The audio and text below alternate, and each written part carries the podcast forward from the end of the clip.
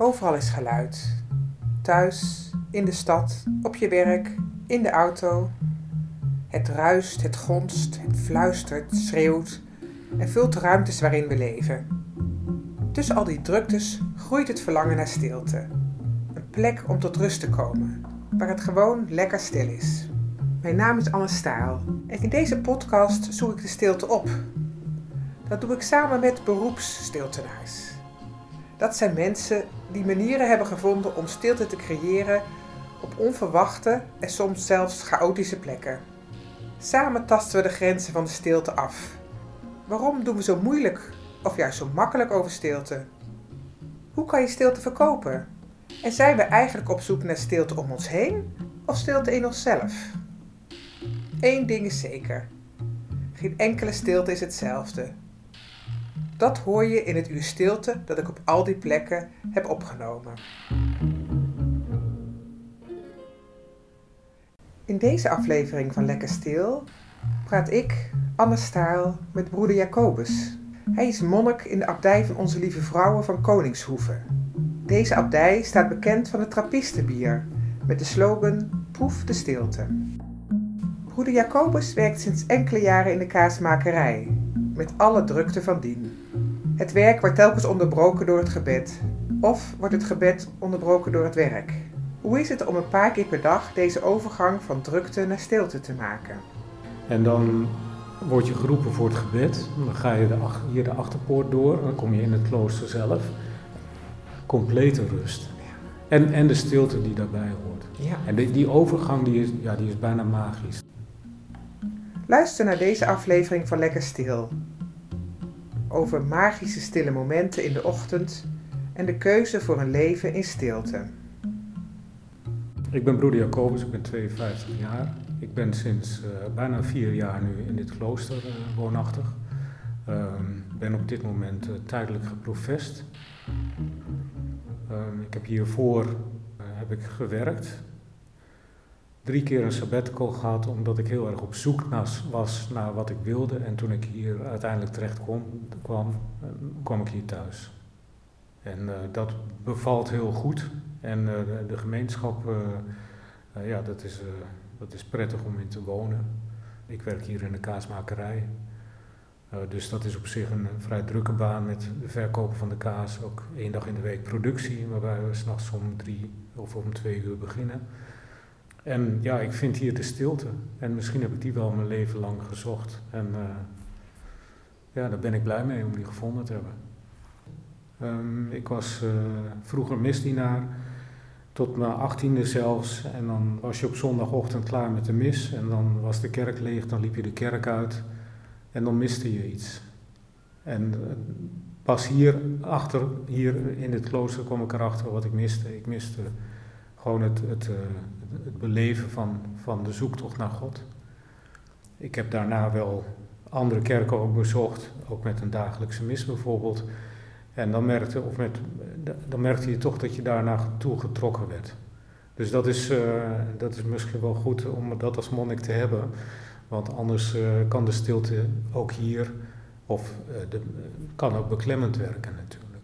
Ja, en, en wat deed je voordat je hier kwam? Um, ik heb levensmiddelentechnologie gestudeerd in Wageningen. Ik ben daarna gaan werken in het westen van het land als manager microbiologie. Ik had na mijn eerste zeven jaar werk, had ik al een sabbatical gehad. Toen dacht ik van ja, wat wil ik eigenlijk? Ik, ik ben zoekende, ik ben leergierig. Weet je wat, ik ga na mijn, als tweede studie ga ik een rechtenstudie beginnen in Leiden. Dus uiteindelijk heb ik dat ook, uh, ook afgerond. Um, maar ik bleef zoeken, ook na mijn afstuderen als, uh, als jurist.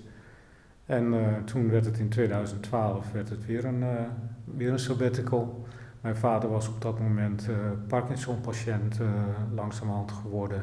Toen dacht ik van nou als ik nu, ik was getrouwd met mijn werk, als ik dan nu geen tijd neem voor hem en voor, voor mijn moeder, dan, dan ga ik dat altijd bezuren. Dat ga ik dat altijd, daar ga ik spijt van krijgen.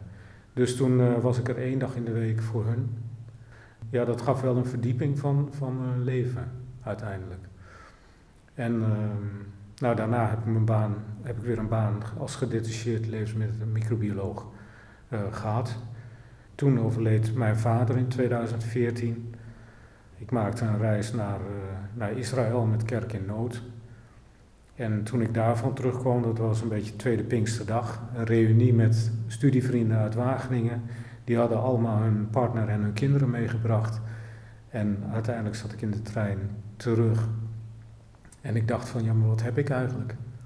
Ik ga zoeken, ik ga op zoek of ik een roeping heb. Ja, via iemand van Kerk in Nood. Die zei van, je moet in de buurt van Echt eens gaan fietsen in Limburg. Het is een hele mooie omgeving en daar ligt een ijsboerderij tegenover het Trappistenklooster. hebben ze heel lekker ijs. Dus op zoek aan het fietsen. En ik vond geen ijsboerderij, ik vond wel een uh, Trappistenklooster. En ik, uh, ik hoorde de klok luiden voor de Vespers. En ja, daar overviel me de stilte en de zang die, on, die ontwikkelt uit die stilte. Ja, toen ging ik bijna als een ander mens terug. Toen heb ik binnen een week mijn baan opgezegd als gedetacheerde.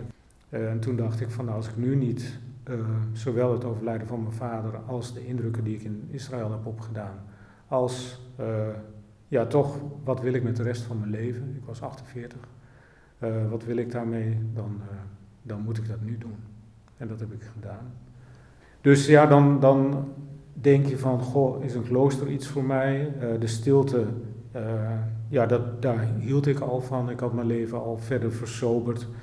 Ook thuis steeds minder muziek of, of lawaai om me heen, zeg maar. Ja, dat trappistenleven, dat zou ik moeten, verder moeten ontdekken. En toen heb ik gezocht naar een klooster wat dichterbij lag. En dat was Koningshoeven. Dus dan uh, kom je daar in augustus 2014 terecht op zaterdagochtend, omdat je eens een keer naar binnen wilt. En dan blijkt de deur gesloten te zijn, want de monniken hebben een stille dag. Dus ik ben de volgende dag meteen teruggekomen, op zondag. Heb een rondleiding gedaan in de brouwerij. En uh, ja, dat sprak me ook aan hier, Koningshoeven. En uh, toen heb ik een tijdje langs de zijlijn meegekeken. En uiteindelijk, drie kwart jaar later pas, heb ik een gesprek gevraagd bij vader Abt. Hij zegt van nou, als je toch alweer een sabbatical hebt, mijn derde ondertussen, en uh, je hebt de tijd, kom dan gewoon een maand meeleven. Dat heb ik gedaan. En uh, nog drie maanden later was ik ingetreden. Dus ik leerde kaas maken, waarbij uh, onze prior en hoofdkaasmakerij broeder Isaac wel zei van nou, je komt hier niet om kaas te leren maken, je komt hier om monnik te worden. Ja, dat betekende ook dat de drukte van de kaasmakerij, um, het, het, de interesse voor het werk, uh, het oude patroon van um, veel bezig zijn met werken, uh, ja, als dagvulling eigenlijk, dat dat hier uh, ja, toch niet de bedoeling is. Omdat je ruimte maakt voor die stilte. En ook daarin zit een mooie afwisseling bij ons. Dus we hebben zeven keer per dag gebedstijden, vanaf kwart over vier s ochtends tot half acht s avonds. Dan word je als gemeenschap verwacht als lid van de gemeenschap om daarbij aanwezig te zijn. De gebedstijden zijn bij ons uh, ja, zeg maar verplicht. Net als het samenkomst aan tafel. En daartussendoor wordt gewerkt. Of doe je persoonlijk gebed of heb je ja, tijd voor jezelf of voor het, voor het eten of wat. Als ik kaas maak, dan begin ik s'nachts om uh, twee à drie uur met pasteuriseren. En als, dan de, als ik dan mijn 2000 liter uh, koe- of geitenmelk op temperatuur heb, dan uh, moet hij een half uur stremmen. En het stremmen betekent dat er een half uur niks gebeurt. Dus die tank, die, die, die, die, die grote pan met melk, die wordt geroerd. En op een gegeven moment stopt die gewoon voor een half uur. En dat is ook een hele mooie stilte. Ja, ja precies. Dat is eigenlijk een verwachtingsvolle stilte ook. Een hele verwachtingsvolle stilte. Want over een half uur kan ik controleren of mijn melk gestremd is, dus of ik door kan gaan met kaas maken. Nou is dat altijd het geval. Maar het is wel zoiets van, je hebt het eerste deel van het proces gedaan. Uh, ik blijf een levensmiddeltechnoloog natuurlijk. Het eerste deel van het proces heb ik gedaan. Mijn melk is op temperatuur, nu wil ik gaan stremmen. Ja. En dat kan in een half uur stilte, daar heb ik geen machine voor nodig. Dat is allemaal puur natuur en scheppingskracht om daar kaas van te maken. Ik stel me zo voor dat het eigenlijk ook een drukke dag is met mm -hmm. alles wat je moet doen. Um, Waar krijg je zo'n dag dan de meeste energie van? Nou, de energie zit hem eigenlijk uh, vooral voor een, uh, is voor, zit voor een deel in het kunnen samenwerken met broeders. In de kaasmakerij werken we op dit moment met een broeder of acht. Dus, uh, maar dat zijn veel deeltijdtaken voor broeders. Ja, daar zit toch een stuk coördinatie in. Van het kaas maken tot aan het behandelen van de kaas, het rijpen van de kaas, het verhuizen van de kaas naar de abdijkelders, waar ze rijpen, zeg maar. Dan weer uh, het voorbereiden van, van de bestellingen en het afleveren van de kaas, het snijden van de kaas. Al het werk wat daarbij bij komt, kijken. En dat ligt uh, ja, op mijn bordje. Dus dat geeft dan ook wel weer energie als dat gewoon met z'n allen lukt. Maar het vraagt ook veel energie om uh, ja, ook buiten of vooraf voor de werktijden te denken van wie ga ik waar neerzetten, welke broeder is op dit moment beschikbaar. Uh, bijvoorbeeld er is een broeder die, die kan s ochtends van half acht tot half tien. Ja, die, die, die moet ik dan aan het werk hebben. En uh, ja, andere broeder heb ik niet omdat hij op dat moment les heeft. Of we hebben bijvoorbeeld twee broeders uit uit Victoria, uit, uh, uit, uh, van, van ons dochterklooster uit uh, Oeganda. Die gaan hier theologie studeren. Dus die hebben Nederlandse les. Dus dan wordt het, het wordt puzzelen van wanneer kan wie wat doen. Ja. Dus dat kost energie. En tegelijkertijd krijg je energie van als het dan toch met elkaar lukt. Als je tevreden de deur van de kaasmakerij achter je dicht trekt. En dan ja, toch weer de achterpoort doorgaat, het klooster in. Want de kaasmakerij ligt buiten het stille gebied, ligt bij de brouwerij. Um, en dat je dan weer zegt van nou, we hebben zometeen om half twaalf de Eucharistie. Of we hebben ja, straks de Vespers. Of we, hebben, we gaan lezen met z'n allen onze Lectio. Um, dus dat, dat geeft afwisseling. Kijk, iedereen schrijft de spreuk ora et labora aan Benedictus. Uh, voor, ons zit daar ook nog het, lezen in. Zeg maar, wij lezen vrij, vrij veel. Wij lezen ook gezamenlijk drie kwartier per, uh, per dag. Uh, met alle broeders in, uh, in ons scriptorium, zoals wij dat noemen. Dus dan is iedereen met zijn eigen boek of zijn eigen tekst bezig.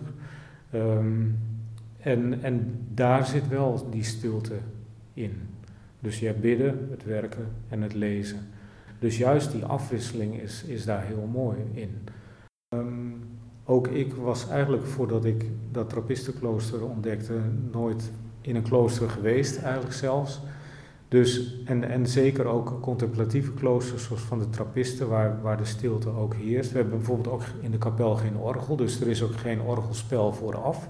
Dus je wordt, ja, je wordt niet voor het blok gezet, maar je wordt voor de stilte gezet. Dus je moet wel meedoen. En dat, uh, ja, dat zal toch een, een, een, impact hebben. En dat hoor je ook veel van, van gasten uh, of lees je in, in, in het gastenboek. Ja. Wij zoeken God in die stilte. En voor ons is dat een mogelijkheid, die stilte, echt om, om niet afgeleid te worden, om je te richten in je zoektocht naar God. En om daar God, die voor ons altijd en overal aanwezig is, om daar naar op zoek te gaan. En dan moet je door heel veel dingen heen van jezelf. Maar uiteindelijk, hoe meer je die stilte beleeft en hoe langer je daarmee bezig bent qua, qua tijd, um, hoe, dichter je hoopt bij God te komen. En dat uh, denk ik dat de stilte daar een heel mooi middel voor is. Want het is ook het, het, het trainen van een soort stilte spier eigenlijk. Uh, die eerste stilte is altijd ongemakkelijk. Je voelt een pijntje of je, je, je, je, moet een keer hoesten of zo, dus wegstilte uit je concentratie. Wat je niet moet doen. Dus daar een vaste vorm en een patroon voor vinden. En dat ook weer af kunnen sluiten, zodat je ook zoiets hebt van die stilte die laat ik nu weer even liggen. En ik ga nu weer verder met mijn dagelijkse bezigheden. Um, om kwart over vier beginnen wij met onze gebedsdienst. Om zeven minuten daarvoor dan gaat de, gaat de, de klok. Uh, de, dan, uh, dan luidt de klok. Maar als je bij ons om, kwart, om vijf voor vier in de kapel komt, of sommigen al om kwart voor vier, dan zit je in het, in het duister. Um, daar, daar zitten dan al monniken, daar kunnen ook gasten bij aansluiten. En dat is de absolute stilte. Dat is een hele andere stilte dan de stilte voor de Eucharistie. En er komen gasten binnen geschuifeld en het is volop licht en zo. Dus de beleving van stilte kan dan heel anders zijn. Ja, ja. ja precies. Die beleving is heel anders. Ja, en hoe, hoe is dat dan, zeg maar, in, in, zo ochtends voor die hele vroege stilte? Ja, dat is een hele pure stilte, want je bent net wakker.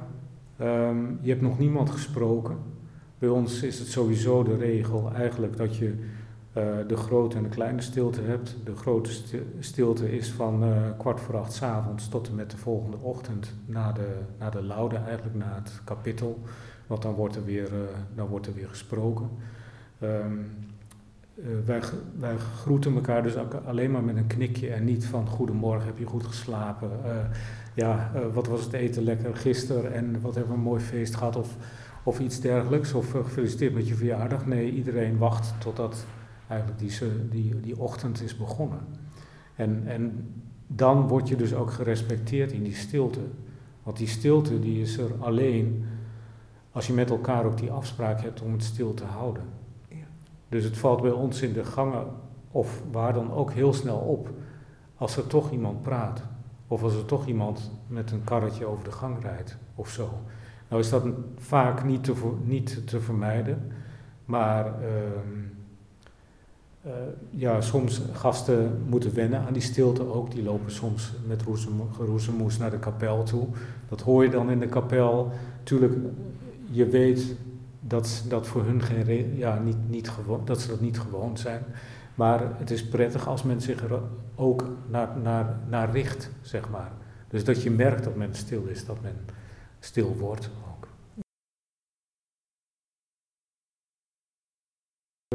Elke stilte is weer een andere stilte. Dus het, zijn, dat zijn wel verschillende smaken stilte, zeg maar. En die smaken creëer je eigenlijk toch met elkaar? Die creëer je met elkaar. Wij, eh, natuurlijk al door, het, door het, uh, doordat er in dezelfde ruimte en gasten en vaste bewoners zijn. Mhm. Dus voor ons zit daar al een bepaalde evolutie in, in die tijd dat een, dat een broeder hier ingetreden is, dat hij, dat hij hier uh, woont voor gasten, ja, dat, dat, is, dat is eigenlijk wel een dynamisch uh, spel natuurlijk. We hebben verschillende soorten stiltes en, en omdat wij uh, tijdens de Vespers altijd na de opening een kwartier meditatie hebben als monniken. En de gasten zitten bij ons in de kapel, dus veel, weinig gasten, um, schoolkinderen of middelbare scholieren, zeker met ritseljassen uh, in de winter, zeg maar Um, of, of ja, dat, dat is, een, is een wereld van verschil. Ook daardoor zou je kunnen afgeleid worden, maar je, kunt, je, kunt, je leert je er op een gegeven moment ook van afsluiten. En ja, wat, wat, ik altijd, wat mij altijd opvalt, is dat ik denk van ik ben blij dat ze er zijn. En dat ze met ons kennis maken en dat ze ook deze stilte proeven. Sommige mensen worden ongemakkelijk van stilte. Sommigen hebben natuurlijk een, telefoon niet bij zich of hebben die uit moeten zetten. Of, dus ze worden gedwongen om twaalf minuten stil te zijn. En recht voor hun neus zitten uh, twintig monniken. En uh, daar is ook genoeg aan te zien wat die doen en wat die niet doen. Maar ik, ik ben blij om ze kennis te kunnen laten maken met de stilte. Uh, jullie hadden op de flesjes trappistenbier proef de stilte. Is dat nog mhm. steeds? Proef de stilte wordt nog, is nog steeds de slogan, ja. Dus dat is uh, uh, het proeven van de stilte.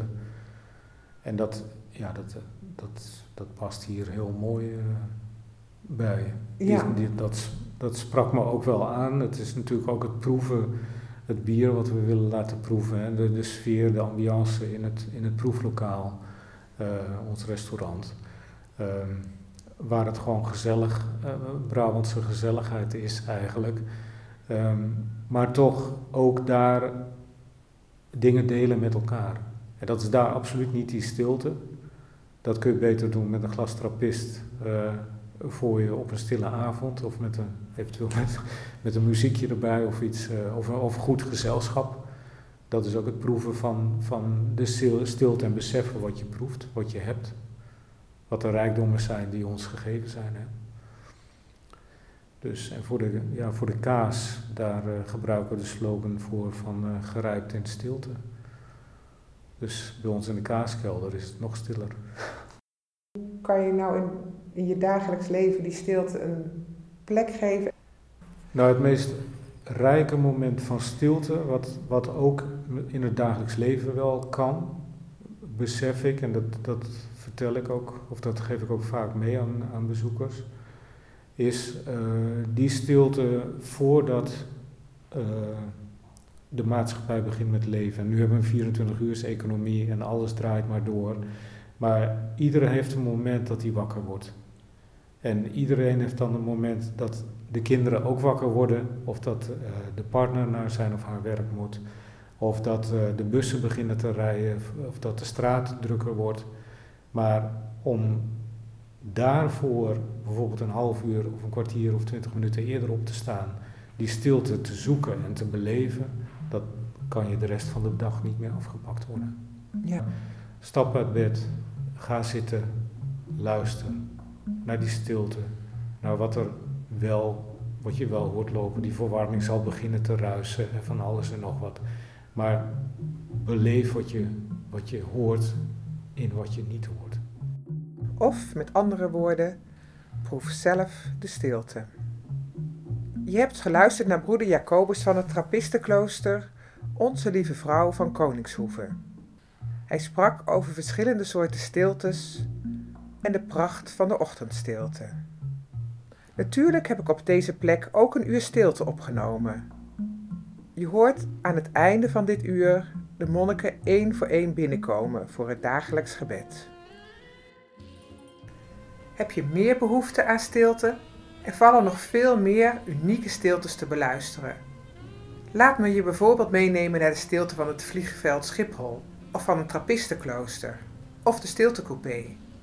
Daarnaast vind je in deze podcast van Lekker Stil bijzondere verhalen over stiltelaboratoria, zoektochten, het ritme van stilte en de pracht van de ochtendstilte.